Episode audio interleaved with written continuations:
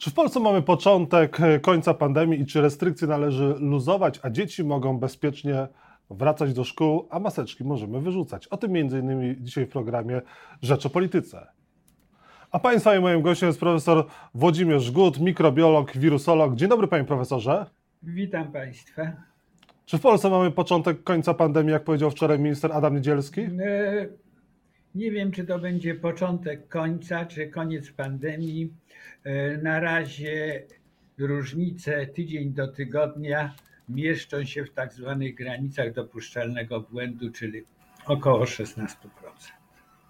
Kiedy rozmawialiśmy miesiąc temu, powiedział Pan, że końca pandemii nie będzie, no chyba, że go ogłosi WHO. No a tutaj już ogłasza polski minister e, zdrowia. No cóż, e, nie polski minister ogłaszał pandemię i nie on ją będzie odwoływał. E, problem sprowadza się do tak zwanych chęci. E, nie chcę nazwać tego chcieństwem. Mamy sytuację, w której tydzień do tygodnia różnica wynosi 16%. Przy niepewności wyniku, czyli liczby zgłoszonych zakażeń, bo powyżej 20% trzeba przyjąć, jeżeli stanowią dodatnie wyniki, że istnieje znaczna niepewność, rzędu 40-50%. Nie odważyłbym się mówić o końcu pandemii. No właśnie, panie profesorze, bo sytuacja wygląda dosyć e, specyficznie. Jeszcze tydzień temu rząd chciał przyjmować projekt e, Lex Kaczyński, na dzisiaj mówi, y, w którym byłyby obostrzenia i na przykład sprawdzanie przez pracodawcę tego, czy pracownik jest zaszczepiony. No a dzisiaj mówi minister, początek końca pandemii, można ściągać maseczki w miejscach publicznych, dzieci mogą wracać do szkół. E, w pierwszym momencie nie będzie praktycznie żadnej reakcji. Reakcja się zacznie dopiero, kiedy populacja zacznie się mieszać ze sobą. To nie jest tak, że na wyjazdach się zakażają, zakażają się z reguły później, kiedy się spotykają. Sytuacji mamy nie najlepszą. Odsetek zaszczepionych, czyli tych, którzy są chronieni przed ciężkim przebiegiem i e, przed respiratorami, bo nie przed zakażeniem, jest za niski, żeby wpływać na pozostałe elementy epidemiologiczne. A przyjęliśmy kalkę z krajów, które mają znacząco wyższy odsetek ludzi wyszczepionych, a poza tym już odpuścili i mają znaczną liczbę osób, które nabyły e, odporność przed ciężkim przebiegiem na drodze naturalnej. To nie jest sprawa, jak niektórzy mówią, omikrona czy innego. Są to po prostu zjawiska ogólne. Jeżeli mamy 80% populacji zaszczepionej, do tego mamy przechorowania na poziomie 10-15%, e, można liczyć się z wygasaniem. Jeśli mamy 50 kilka procent i w gruncie rzeczy niezbyt pewną liczbę zachorowań, ale rzędu powiedzmy przemnożę przez 20 milionów, to jeszcze parę milionów do E, chętnych do zachorowania zostało. No właśnie, mamy około 57% e, zaszczepionych, a nie 80% jak na przykład w innych krajach, które luzują obostrzenia. Czy ten alarm, e, czy też ta zapowiedź o odwołaniu pandemii, no to nie jest kolejny fałszywy alarm. Niejednokrotnie słyszeliśmy już z ust rządzących o końcu pandemii. No, E, ja nie mówię o potrzebach politycznych, one mnie nie interesują. Od czasu do czasu trzeba mieć sukces e, i coś ogłosić. E, mówię o zjawiskach w populacji krążenia wirusa. Nie mamy odpowiedniej liczby przygotowanych do zakażenia, czyli tych, którzy zostali albo zaszczepieni, albo przebyli już zakażenie, im grozi co najwyżej tak zwany przełom, czyli drugie zakażenie, ale o krótszym przebiegu, krótszym okresie wydalania wirusa i tam można sobie ograniczać kwarantannę, można sobie ograniczać izolację. Jeśli mamy osoby, które e, chorują w sposób pierwotny, po raz pierwszy się zetknęły, jest to zajęcie bardzo ryzykowne. Panie profesorze, jeżeli chodzi o te luzowanie obostrzeń, maseczki w publicznych miejscach zamkniętych rzeczywiście możemy przestać nosić? Niczemu to już nie pomoże? E, ja będę nosił. E, ze względu na to, że trochę jestem e, zapoznany z przedmiotem, a i tak te maseczki były noszone w ten sposób, że co najwyżej zamiast zakażenia przez usta było zakażenie przez nos. Co Jeżeli chodzi o. Mhm, proszę, co proszę. powodowało trochę inny obraz kliniczny.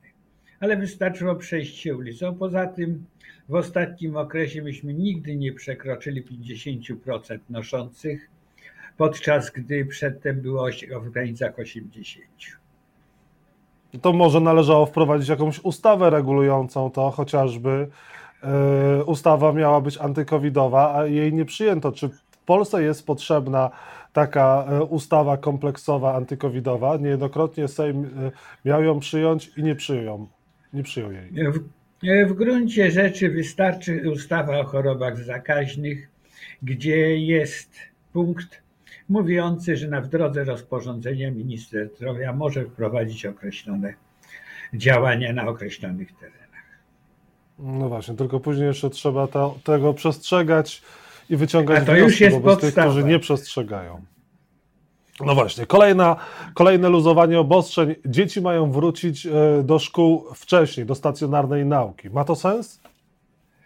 E, z jakiego punktu widzenia? Jeśli chodzi Medycznego. O z medycznego trochę mniejszy, z psychologicznego, zwłaszcza młodsze dzieci, e, jest to wskazane. Zdalna nauka w pierwszej klasie, nie bardzo ją sobie mogę wyobrazić. E, ale to zależy od sposobu zorganizowania szko e, w szkole, prawidłowych zachowań rodziców i uodpornienia populacji, gdzie tylko jest to możliwe. W tej, ale Żaden z tych mechanizmów do końca w Polsce nie działa. Mhm. Panie profesorze, jeżeli chodzi o nowe warianty koronawirusa, czy Polska powinna się przygotować na nowe warianty?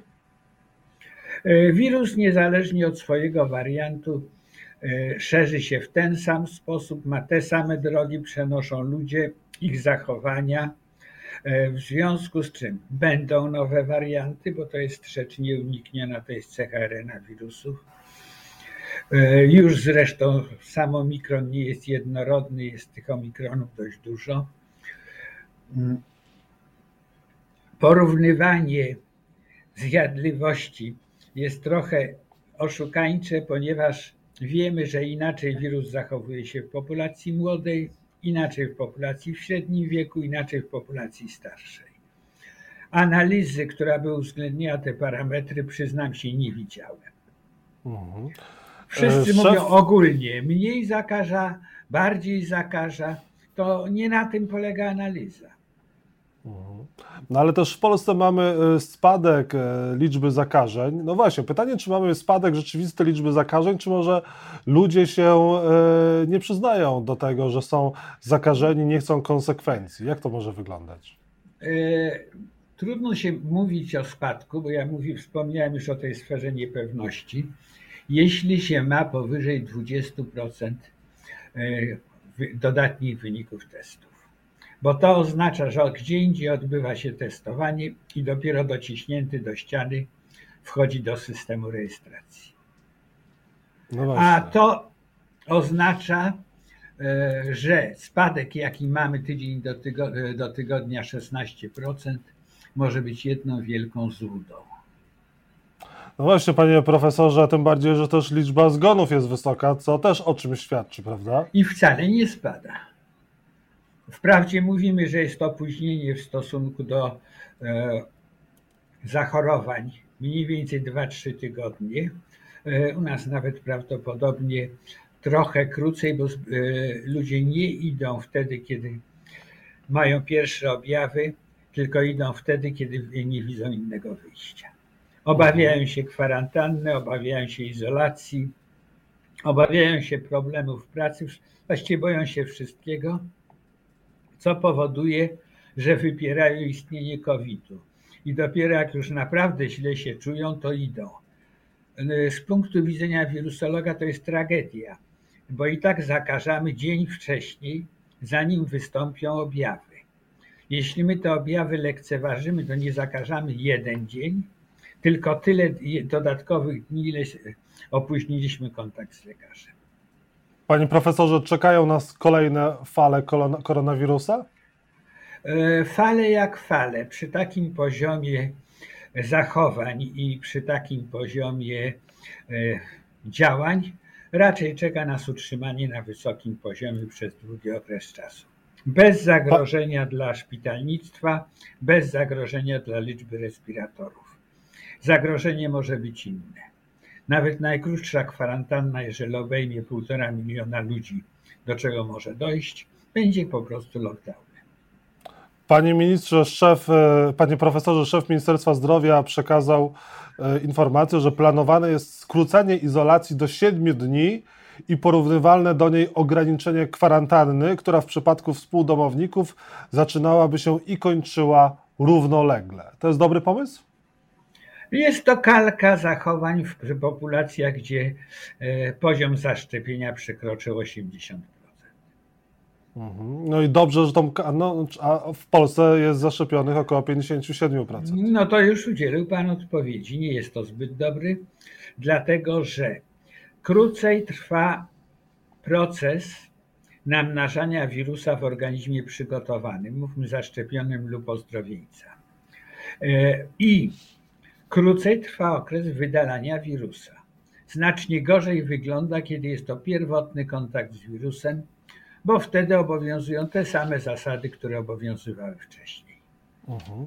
I na koniec e, słuchacze pytają, e, czytelnicy pytają, czy w Polsce prowadzone są jakiekolwiek badania mogące potencjalnie potwierdzić COVID przed marcem 2020 roku, tak jak na przykład we Włoszech zbadano stare próbki, co doprowadziło tamtejszych naukowców do wniosku, że koronawirus był już tam w listopadzie. Czy są takie badania prowadzone w Polsce? E w Polsce jest prowadzony szereg różnych badań.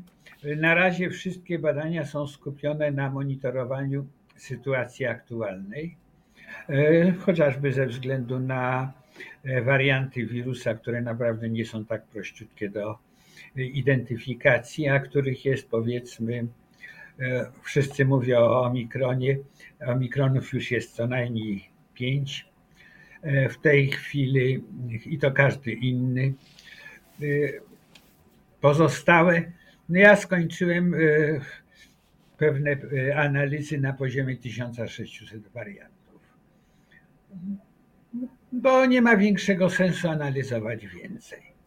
A to się ma nijak do ogłoszonych wariantów, ponieważ głównym problemem z wariantami jest wymknięcie się spod diagnostyki, czyli kiedy test danego wirusa nie wykrywa i wymknięcie się spod monoklonalnych przeciwciał używanych gdzieniegdzie do leczenia. A jeśli chodzi o, nas, o sam przebieg zakażenia, większe znaczenie mają różnice genetyczne, różnice w grupach wiekowych, a nie same warianty. Profesor Włodzimierz Żgut był Państwa moim gościem. Porozmawiamy pewnie jeszcze niejednokrotnie na temat e, sytuacji pandemicznej w Polsce. Bardzo dziękuję za rozmowę.